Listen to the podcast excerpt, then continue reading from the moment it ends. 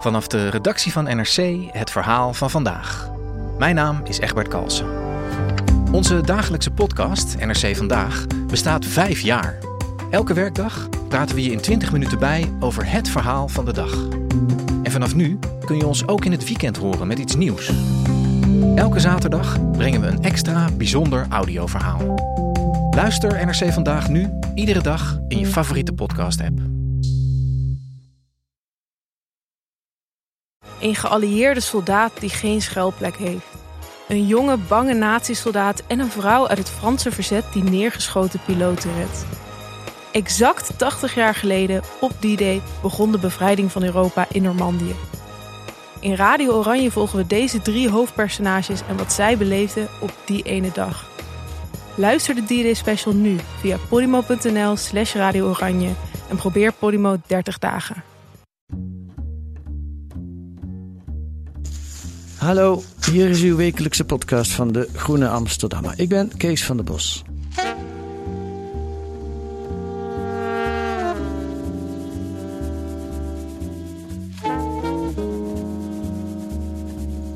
Over de grens. Nederlands extreem geweld in de Indonesische onafhankelijkheidsoorlog 1945-1949. Dat is de titel van het rapport dat vorige week uitkwam. En naar aanleiding van dat rapport sprak premier Rutte 75 jaar na de gebeurtenissen de volgende historische woorden. Dit onderzoek is aanleiding die excuses hier en nu opnieuw onder woorden te brengen. Voor het stelselmatige en wijdverbreide extreme geweld van Nederlandse zijde in die jaren en het consequent wegkijken door vorige kabinetten maak ik vandaag namens de Nederlandse regering diepe excuses aan de bevolking van Indonesië. Excuses van premier Rutte voor extreem geweld. En onder dat extreme geweld vallen oorlogsmisdaden. Dat weten we sinds afgelopen zondag toen onderzoeksleider Frank van Ree dat verklaarde in het VPRO-programma. Vree, van Vree. Van Vree, ja, dat probeerde ik ook te zeggen. Van Vree. Oké. Oh. Ehm, zijn het inderdaad historische woorden? En hoe kan het dat het 75 jaar heeft geduurd voordat de Nederlandse regering erkent wat er toen in Indonesië is gebeurd? Over de kwetsbaarheid van dit grote onderzoek schrijft historicus Chris van der Heijden deze week in De Groene. Welkom in de podcast, Chris. Goedemiddag. Goedemiddag. We zouden elkaar op de redactie van De Groene spreken, maar wat blijkt, jij bent positief getest. Je hebt corona. Ja, ja, niet ernstig, maar goed, ik heb het wel, dus ik moet, eh, moet binnen blijven. Ja, je bent niet, niet, je hebt geen klachten, je bent niet erg ziek. Nou, een beetje, een beetje, brr, maar dat is dan ook alles. Oké. Beetje een zware stem volgens mij en een beetje verkouden. Ja, een stem alsof je gisteravond in een nachtclub wat whisky hebt gedronken. Zo. Ja, zoiets, zoiets. Dat heb ik sowieso wel een beetje, maar nu nog wat erger. Ja. Ehm, om te beginnen, zijn het historische woorden die Rutte heeft gesproken? Wat vind jij daarvan? Nou ja, er zijn natuurlijk wel een aantal van dat soort woorden al aan vooraf gegaan door de, de minister van Buitenlandse Zaken en door eh, Willem-Alexander. Maar eh, dat de, eh, de baas van de regering dat voor, voor het eerst zo erkent, nou dat is wel historisch, ja. Ja, ja, ja. Maar daar, was ook, daar, was, daar waren ze natuurlijk ook op uit, hè. dat wist ook iedereen dat het ging gebeuren. Ja. Maar goed, het moest nog wel gesproken worden. Ja, ja. Ik lees in jouw stuk dat eigenlijk dat hele onderzoek een soort decor is. Of nee, zo staat het niet in jouw stuk, maar dat het eigenlijk een Een soort. stempel heb ik het genoemd. Ja, eh, maar dat het bedoeld is om Rutte deze historische woorden te kunnen laten spreken. Ja, klopt. Eh, eigenlijk is het zo dat we, dat we dit natuurlijk al heel lang weten. Eh, het is altijd onder het tapijt gemoffeld, zoals Rutte ook zegt. Maar sinds een jaar of, eh, nou, zou maar zeggen, 10, 15. En zeker sinds een paar jaren weten we, wel, weten we gewoon zeker dat daar dingen zijn gebeurd die echt, echt, echt, echt niet door de beugel konden. Nogmaals, we wisten het al veel langer, maar het wordt alleen maar sterker en sterker. Ja. ja en de, de bronnen op basis waarvan Rutte zo'n uitspraak zou kunnen doen, waren eigenlijk toch nog te privé, als je het zo mag zeggen. Ja. Voor individuele historici. Ja. Dus er moest een stempel op. Het is ook heel grappig. Je, in je introductie zei je net, dat besefte ik toen pas, dat je, het is een rapport. Het is ook eigenlijk helemaal geen rapport. Kijk, het Srebrenica-rapport was een rapport. Ja, Maar dit boek eh, over de grens is gewoon een verzameling artikelen met een in- en een uitleiding. ja. Die een soort, ja, hoe zou ik het zeggen? De faam heeft een rapport te zijn als het voor een rapport doorgaat, maar het eigenlijk niet is. Maar goed, dat even terzijde. En waarom niet? Wat, is, wat, wat kenmerkt dan, wanneer zou het wel een rapport Nou zijn? ja, ja, een rapport zou zijn als het een inleiding heeft en hoofdstukken en zo. Maar dit is gemaakt door heel veel, ja, misschien is het, kan je ook een rapport schrijven met heel veel mensen samen. Ja, Maar het is, heeft eigenlijk veel meer van een verzameling artikelen, Ja. uittreksels uit te verschijnen en nog te verschijnen boeken. Ja. Dan van een echt rapport met een, eh, een kop, een staart en een middenstuk. ja, ja, ja. ja. Sta- staat, er, st- staat er voor jou eh, iets nieuws in? in dit, eh, ik weet niet of je het al helemaal hebt kunnen lezen. Nee, ik heb het niet helemaal gelezen, maar ik heb wel. Ik, nou, kijk, weet je, het, probleem. Ik, wat ik had. Is dat ik er een jaar of tien geleden heel lang mee bezig ben geweest. Ja. In De Groene. Ja, Toen een paar grote stukken over heb geschreven. ja, Waarin volgens mij eigenlijk precies staat wat in dit rapport ook staat. Althans, wat betreft de hoofdconclusie over extreem geweld en structureel geweld en, en, en wegkijken en dat soort dingen. Eh, in zoverre, ja, nee, vertel het mij heel weinig nieuws. Dus ik was toen ik het persbericht las, wat uitlekte tevoren ook eigenlijk best teleurgesteld. Ik wist wel dat, dat het zo zou zijn, maar ik had ook nog gehoopt dat. Dus in eerste instantie, wat betreft de, de essentie van het rapport, nee. nee. Wat betreft de details eh, en wat nieuw onderzoek en de adstructie, dus zeg maar de onderbouwing van het geheel, stonden er toch wel een paar dingen waarvan ik zeg van ja, het is toch wel. Ik, ik, moet bij nader inzien vond ik het, vind ik het nuttiger dan ik dacht dat het was toen ik eraan begon, laat ik het zo zeggen. Oké. En kun je wat dingen noemen die je troffen, die, die, waarvan je dacht, ja, dat is toch wel een aanvulling op wat ik al weet? Nou, bijvoorbeeld, wat ik. Misschien is, dat lag misschien aan mijn gebrek aan kennis hoor, dat zou kunnen. Maar ik heb altijd het idee gehad dat die, eh, dat, die eh, eh, dat extreme structurele geweld, oorlogsmisdaden zoals Frank eh bij nader inzien zei, wat ik trouwens vreemd vind, want Ja. waarom heeft hij dat niet meteen opgeschreven? Maar goed, Ja. even dat terzijde, dat kunnen we Ja. wel nog over hebben. Ja. Maar het, het, de indruk die ik had, en volgens mij die bijna iedereen had, is dat dit geweld gepleegd wordt door kleine groepjes soldaten en een bevelvoerder in eh, relatief eh, kleine eh, omgevingen, dus in, bij kleinschalige operaties. En er was tot een verhaal in van een man die eigenlijk beschrijft hoe wij toch uiteindelijk ook gewoon zwaar geweervuur gebruikt hebben. En waarbij daar allerlei dingen zijn gebeurd. En dat wist ik eigenlijk niet. Dus ik dacht, dus het, mijn beeld van wat daar gebeurd was, was toch dat het allemaal wat klungeliger was dan ik eh, daar las. Het is gewoon ook systematischer geweest, begrijp je? Ja, ja, ja. Gewoon met inzet van, van stevig van artillerie en ook met, eh, vanuit de lucht en dat soort dingen. Ja, ja bombardementen. Ehm, ja. Ja. hey, dan is eigenlijk goed. Ik, ik heb nog eens dat stuk van, of een van die stukken van tien jaar geleden ongeveer in de Groene van jou gelezen.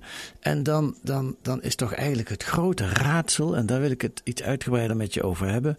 Hoe het toch kan. Kijk, in jouw stukken lees ik, en dat, niet alleen bij jou, ook bij anderen is dat eh, te lezen dat eigenlijk in 1949, dus vlak na eh, dat het allemaal gebeurd was, het in de Nederlandse kranten heeft gestaan. Dat, eh, dat, dat, Ja, dat, de Groene, van Nederland bijvoorbeeld. ja, Vrij Nederland is er zelfs, heeft er een heleboel abonnees door verloren. Dat vond ik ook nog Ja, wel een interessant klopt. detail. Dat wist ik helemaal niet.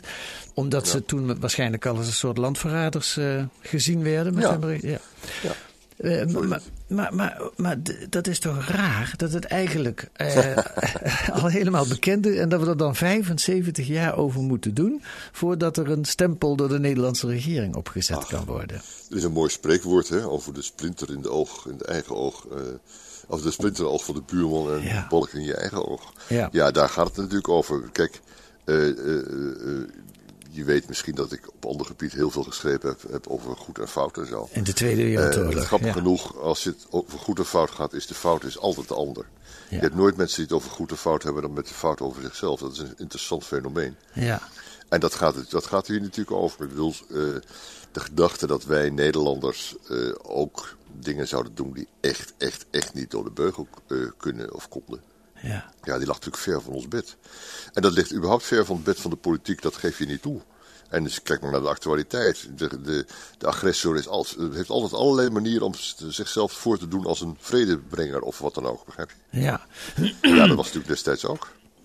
Ja, maar toch in deze mate en in deze hevigheid. Nederland is in de, in de 60 en 70 jaren stelde zich op als een soort gidsland naar de wereld. Ja. Eh, ja. En, maar er was, en ook eh, af en toe, het is ook niet alleen in 1949, maar in 1969 plopte het op. Hè, de, Ja. de bekende uitspraak van Joop Huting. In 1994 zag ik een, een best wel indringende documentaire van Brandpunt, waar het allemaal echt eh, recht in ons gezicht gesmeten werd, zal ik maar zeggen. Eh, en 95 steeds, dacht ik, maar goed, dat doet er niet. Ja. nou, rond die tijd. Doet er niet. Maar, maar steeds eh, beklijft het niet. Eh, Nou ja, eh, het Kijk, is, het- nee, dat klopt. Dat, dat de ene reden is die ik net gaf. Er zit natuurlijk nog een andere reden achter. En dat heeft gewoon met. eh, kijk, de Nederlandse geschiedenis zou je voor kunnen zeggen. wordt voor een groot deel ged- gedomineerd door, de, door de kosten en de baten. ja. De enorme angst natuurlijk dat, eh, dat eh, toegeven van onaanvaardbare dingen tot allerlei consequenties zou leiden. En dat wilde men natuurlijk niet. Nee. Eh, dus was aan de ene kant was er dus zoiets, men wilde niet inzien, zeg maar, de eigen zwarte bladzijde. Eh, dus is het, ja, god, god een, een, een overdreven mooi zelfbeeld. Dat is de ene kant.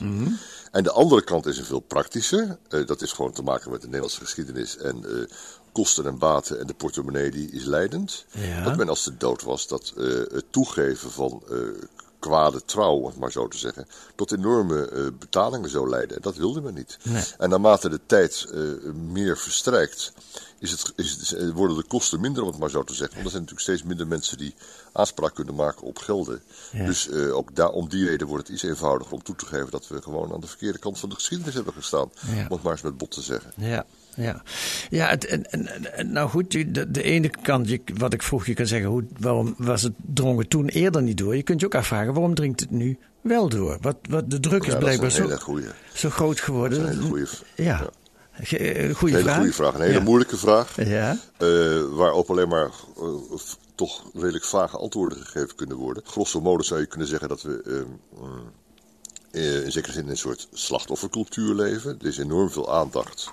Ik bedoel, dat is, niet, bedoel ik niet denigrerend hoor, maar Nee. positief. Ja. Maar enorm veel aandacht voor zeg maar, de mensen die slachtoffer zijn. Of het nou seksueel geweld is, of koloniaal geweld, of slavernij enzovoort. Dat is, dat is één aspect. Eh, eh, dus het dus perspectief verschuift in toenemende mate naar degene die geleden hebben, in plaats van, naar de, van de, zoals het was van degene die gedaan hebben, of misschien toegekeken. Dat is één. Ehm, eh, er komt natuurlijk ook bij dat onze samenleving fundamenteel aan het veranderen is. Onze publieke opinie werd, zeg maar, tot voor enkele tientallen jaren gewoon toch bepaald door eh, blanke kaaskoppen. eh, zoals jij en ik. En ja, dat is natuurlijk aan het veranderen. Er komt gewoon een heel ander geluid. Onze, onze samenleving is aan het veranderen. We leven in een inderdaad multiculturele samenleving. En die andere groepen zeggen, wacht even jongens. Jullie kunnen wel zeggen wat, eh, jullie vinden. Maar wij wij, wij, wij hebben ook een stem in de publieke opinie. Dus het publieke debat is enorm op, eh, opengebroken. En eh, die, ja, dus andere groepen vragen aandacht. En eh, willen ook gewoon de, de, op, de, de openbare mening vormgeven. Dat is natuurlijk wat, er- wat, er ook, wat er aan de andere kant speelt. ja, dus aan de ene Nou, en dan hebben we de sorrycultuur nog, om een derde aspect te nemen. Ja. We hebben natuurlijk toch wel, dus dat heeft ook daarmee te maken. We leven natuurlijk al de hele tijd dat mensen. Oh, iedereen zegt sorry voor alles, vooral politiek. Ja en, ja, en dat gaat over slavernij, het gaat over kolonialisme, het gaat natuurlijk over de Shoah, het gaat over. Nou goed, over Indonesië enzovoort. Dus ja, die combinatie van die drie dingen en dan nog wat andere dingen, misschien een andere generatie. Kijk, eh, generaties die, die destijds eh, actief zijn geweest, die, ja, die zijn er eigenlijk gewoon niet meer. Ja. Eh, mensen die. Ook ik heb nog nooit van mijn leven een pistool vastgehouden. Jij waarschijnlijk ook niet. Nee. We weten niet hoe dat werkt en hoe dat moet. Nee. En ja, dus wij hebben een heel ander perspectief op geweld. Ja. En dat speelt ook een rol, denk ik. Ja, maar goed, wij zijn al, wat je zei, oude witte mannen. Dus we, we, we, de- we hebben al heel lang geen pistool vastgehouden. Maar toch, eh, nou, laat ik het anders vragen, want dat vind ik wel interessant. Geldt het ook voor jou persoonlijk? Dus ben jij, was jij 40 jaar geleden ook nog minder geneigd om het te willen weten? Is dat bij jou zelf ook gegroeid, dat besef? Ja, dat denk ik wel. Ik denk. Ah, wist ik er veel, veel jaar geleden ook veel minder vanaf. Maar dat heeft met praktische redenen te maken. Maar goed, dat is niet zo interessant. Ehm, wat er gebeurt is dat ik ook zelf veel gevoeliger ben geworden, denk ik, voor de dingen die ik net noemde. Dus bijvoorbeeld voor eh, het perspectief van het slachtoffer. eh, eh, en voor het feit dat er ook wel echt gewoon echt wel onrecht is geschied. Dus in zoverre ben ik een kind van mijn tijd. En ik ben in de jaren negentig en vooral sinds het begin van deze, van deze eeuw ook enorm meegegroeid met een heel andere manier van kijken naar de wereld. Nou, ik zei, misschien kan ik het nog het mooiste, het beste uitleggen aan de hand van, een, ik heb net een stuk geschreven, dat verscheen over een paar weken in de Groene, over een, boek van Oosterhammel, dat gaat over de 19e eeuw. Ja. Dat, dat boek, dat, die recensie begin ik met een verhaal over de wereldkaart die wij voor ogen hebben. De wereldkaart die wij voor ogen hebben is, is een, is een is, die zit een zogenaamde Mercator-projectie, waar Europa in het midden ligt, zeg maar. hè? En waar gewoon echt alles draait om ons deel van de wereld. En ieder een kind kan bedenken dat elke uh, projectie van een bol een, een, ja, willekeurig is eigenlijk. Maar we, je kan het toch niet uit je hoofd zetten. En, dat, en dus wij kunnen, en ik kon zeker niet uit mijn hoofd zetten, dat wij toch zo ergens in die wereldkaart, die aan de muur hangt, in het centrum stonden. Nou, en dat is fundamenteel veranderd. En dat hebben we volgens mij allemaal aan de, aan de lijve meegemaakt. En uh, daarin ben ik ook enorm veranderd. Gewoon, ik ben de wereld echt anders gaan bekijken. Ik heb, ik heb veel gereisd, ik heb veel gezien. En toch zat dat, zeg maar, dat blanke uh, denken enorm in mijn kop. Dus ik, was, ik heb nooit een koloniale tijd meegemaakt. En toch zat dat koloniale denken, als je het zo mag zeggen, Europa als het centrum van de wereld, zat nog altijd in mijn kop. Ja. Ja. En dat is veranderd. Ja. En kun jij ook aanwijzen welke gebeurtenissen daar. Dat is natuurlijk een geleidelijk proces. Maar zijn er bepaalde gebeurtenissen geweest die daarin een belangrijke duw gegeven hebben? Mm, ja, ik denk de val van de muur speelt daar wel een hele grote rol in, vermoed ik. Want nee. daarvoor was de wereld altijd toch voor ons gevoel opgedeeld in twee blokken. En mm -hmm. onder de blokken stonden er nog een soort aanhangsel, dat heette dan derde wereld. Mm -hmm. Maar er was, waren er eigenlijk twee blokken, dus dat is een belangrijke. Um, andere dingen. Ja, misschien ook wel heel belangrijk. Ja, god, dan noem ik alleen maar de hoogtepunten 9-11. Dat, dat je merkt dat er gewoon op, op, op hele andere culturen in de wereld zijn die aandacht vragen. En aandacht ja. eisen zelfs. Ja. Ja, en een structurele, die is natuurlijk al lang gaande. Maar goed, de enorme macht van een, van een land als China. Kijk, wij zijn, wij zijn natuurlijk opgevoed, natuurlijk, ik ben opgevoed met de gedachte dat het centrum van onze wereld lag in Amerika, de Verenigde Staten. Dat ja. waren niet alleen de bevrijders, maar het was ook degene waar de films vandaan kwamen. En waar de, de beurzen gedomineerd werden. En waar, als het verkeerd ging in de wereld, vanuit ingegrepen werd. Mhm. Mm -hmm. Nou, Amerika is in toenemende mate een soort, zelf een soort derde wereldland aan het worden. En het, de balans op de, op de geografisch verschuift totaal. Hm. En dat hebben wij allemaal meegemaakt de laatste 20, 30 jaar. En dat zijn de, de, grote dingen die maken dat je toch anders bent gaan kijken naar ja. de wereld. Ja, het grappige is... Je, en, je... uh, en, en, de migratie natuurlijk, hè. Nu moet je misschien dat migratie toch bij zeggen. Ja, ja. Dat is natuurlijk niet onbelangrijk. Dat, Ja. dat we hebben het zien voortdurend om ons heen, mensen uit alle delen van de wereld. En die aanvaarden we ook in toenemende mate als gewoon landgenoten. Ja. Maar jij bent iemand die de complexiteit van een oorlog uh, uh, altijd gezien heeft. Je, je, je, hebt veel gepubliceerd ook over de Tweede Wereldoorlog. Een beroemd boek van jou, Grijs Verleden. Is nou juist daarom, is het misschien wel de kern daarvan, dat je de nuance tussen goed en fout onderzoekt en niet die, die, dat er geen uh, Berlijnse muur tussen staat, zeg maar. Dat je dat, Ja. um, als je dat bij de Tweede Wereldoorlog kon en kunt, dan, dan moet je toch ook, zou je denken, in Indonesië kunnen?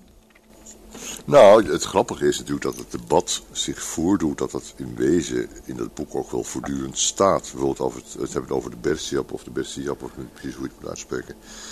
Uh, over het geweld, dus zeg maar heel kort na de uh, vrijheidsverklaring van Indonesiërs, tussen zeg maar Indonesiërs en, en, en, en blanken en allerlei andere mensen. Ja, het geweld uh, uitgeoefend door de, dus, door de Indonesische vrijheidsstrijders. Ja, maar daar zie je dus, en dat staat ook in dat onderzoek, dat in zo'n dynamiek van het geweld alles door elkaar gaat lopen. Ja. En dat slachtoffers en daders door elkaar lopen. Dat is iets wat ik natuurlijk uit de Tweede Wereldoorlog ook, ook heel goed ken. Kijk, als je heel eerlijk moet zijn, is het natuurlijk ook genuanceerd. Want uh, uh, er zijn natuurlijk vele, vele werkelijke waarheden. Ik bedoel, als je daar veteraan was, daar vocht voor Nederland. Ja, dan was dat jouw werkelijkheid. Ja. Ik bedoel, wij vinden nu en terecht dat we dat vinden dat dat helemaal verkeerd is gegaan. Mm -hmm. Maar dit waren jongetjes van 19, 20 jaar die werden uitgezonden. Die kregen opdracht van de baas. En die deden wat ze moesten doen. En die hadden natuurlijk hun gelijk, daarom zijn ze ook zo boos. Ja.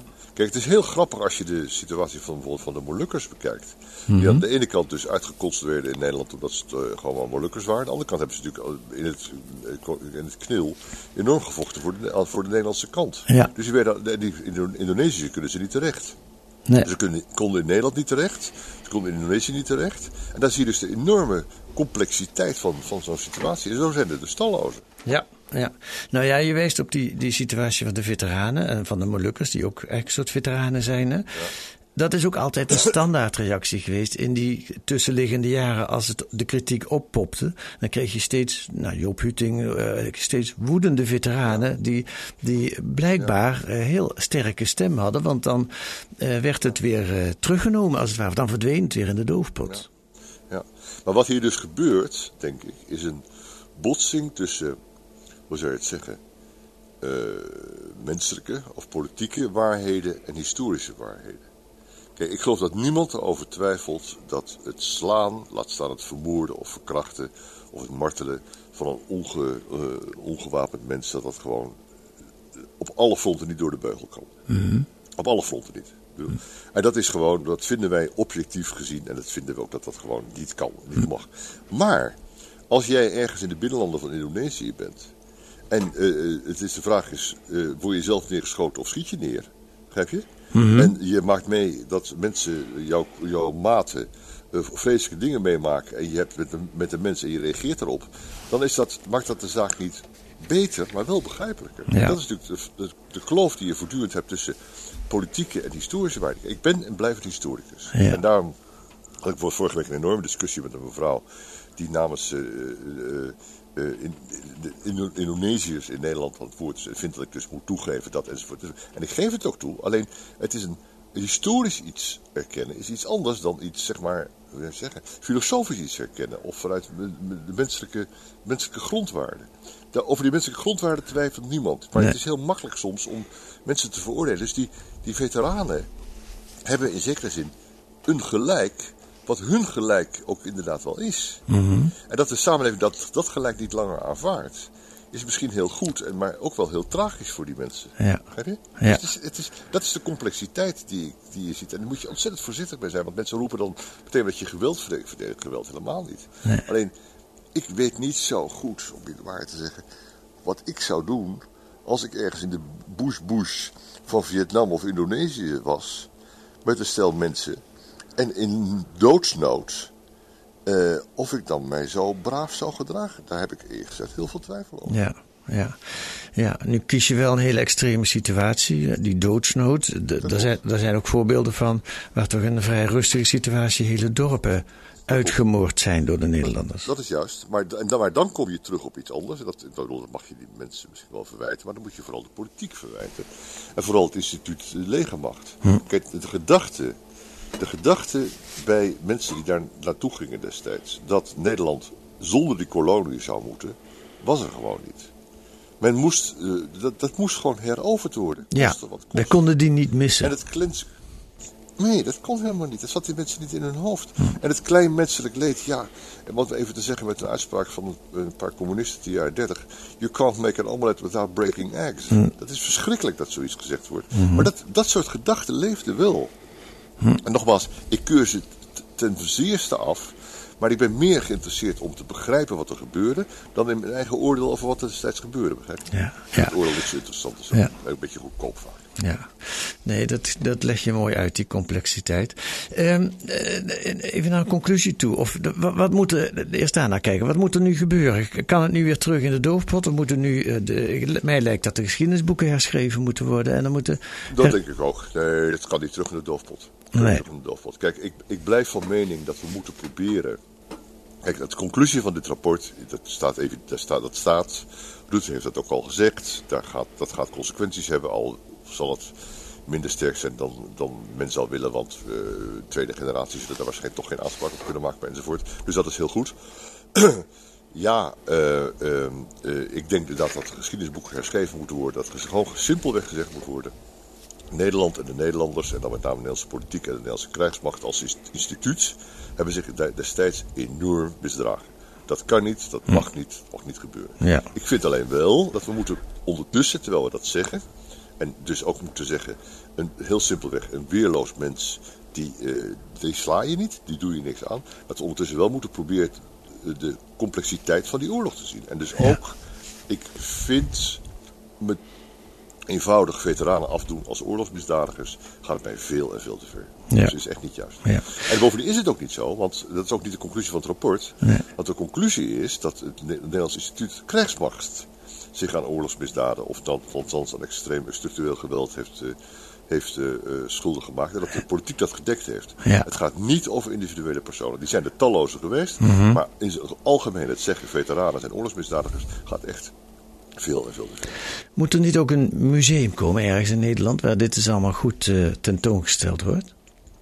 Zoals je in Duitsland een museum ja, ik hebt. Ben, ik ben naar die tentoonstelling geweest in, uh, in uh, het Rijksmuseum. Ja, ik ook. Hij viel mij een beetje tegen. Viel, viel, ja. viel mij vreselijk tegen. Ja. Ik vond echt een Waarom? Hele, een hele slappe Ja, ja. Maar goed. Ja, nee, ik vond echt helemaal niks. Ik begrijp nee. niet dat mensen daar zo hoog van opgaan. Nee, maar Allah, ik had hetzelfde. Nee, ja, een museum. Sorry? Nee, ik had hetzelfde op het Rijksmuseum. Het viel mij ook tegen. Ik vond het, ja, uh, ja, vond het ook slap eigenlijk, ja. Nee, het zou misschien heel goed zijn dat we een groot... Kijk, we hebben natuurlijk het Tropenmuseum, maar dat is natuurlijk altijd toch een beetje vanuit een andere perspectief nog steeds gemaakt. Mm -hmm. Namelijk toch een beetje uit de, de, goede, de goede, goede identiteit. En misschien zou daar iets moeten aan moeten veranderen. Kijk, ik heb ooit een boekje geschreven, zoiets van de zwarte bladzijde van de geschiedenis, het heet anders. Maar goed, een soort tegen de kanon in. Mm -hmm. Ik ben een enorm voorstander van dat een, dat een beschaafde cultuur, en wel zo'n beschaafd mens, ook zijn eigen keerzijde etaleert. Ja. Dus ik zou, ik denk dat we, die, dat we die plekken wel hebben. We hebben een Molukse-museum in Den Haag.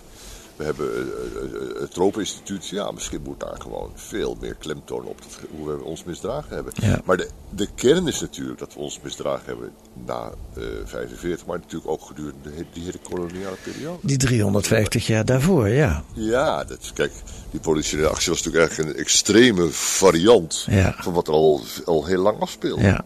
Ja. En dus moeten we, dat die, wat mensen uit Indonesië wel zeggen, dat we vooral moeten decoloniaal moeten gaan leren denken. Ja. We moeten de ja. mentaliteit decoloniseren, daar ben ik het erg mee eens. Ja.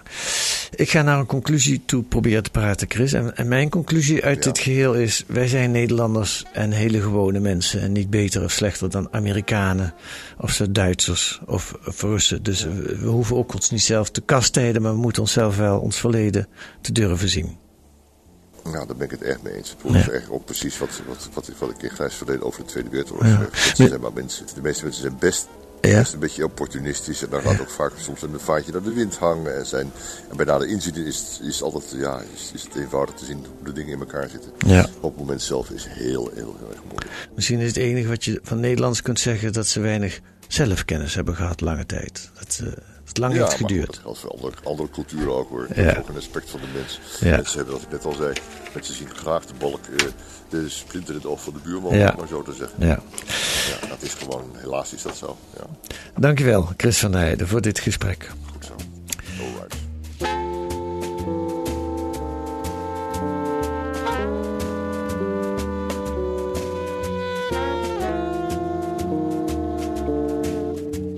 Lees deze week in De Groene ook een profiel van Herbert Marcuse, waar voorheen links in opstand kwam tegen het doorgedraaide rationalisme van de liberale wereld en voor vrijheid pleiten lijken de Polen nu gedraaid te zijn. Tegenwoordig is het rechts, het zijn de queerdenkers die vrijheid als vaandel voor hun strijd opvoeren. Marian Donner onderzoekt deze ontwikkeling aan de hand van het denken van Marcuse. En daarnaast een achtergrondartikel van Marion van Rooyen over de rol van milities in de Braziliaanse verkiezingen. Deze illegale maffiagroepen van oud-politiemensen nemen de macht van de drugsbazen over. En nu wordt de bevolking door de politie geterroriseerd en gemanipuleerd. Wat wel weer goed uitkomt in de verkiezingsstrijd van Bolsonaro. Dat kunt u allemaal lezen in De Groene deze week met een abonnement of een proefabonnement. Ga dan naar groene.nl. Daar wordt u uitgelegd hoe u 10 weken De Groene kunt krijgen voor 15 euro. Wilt u reageren op deze podcast, dan kan dat ook.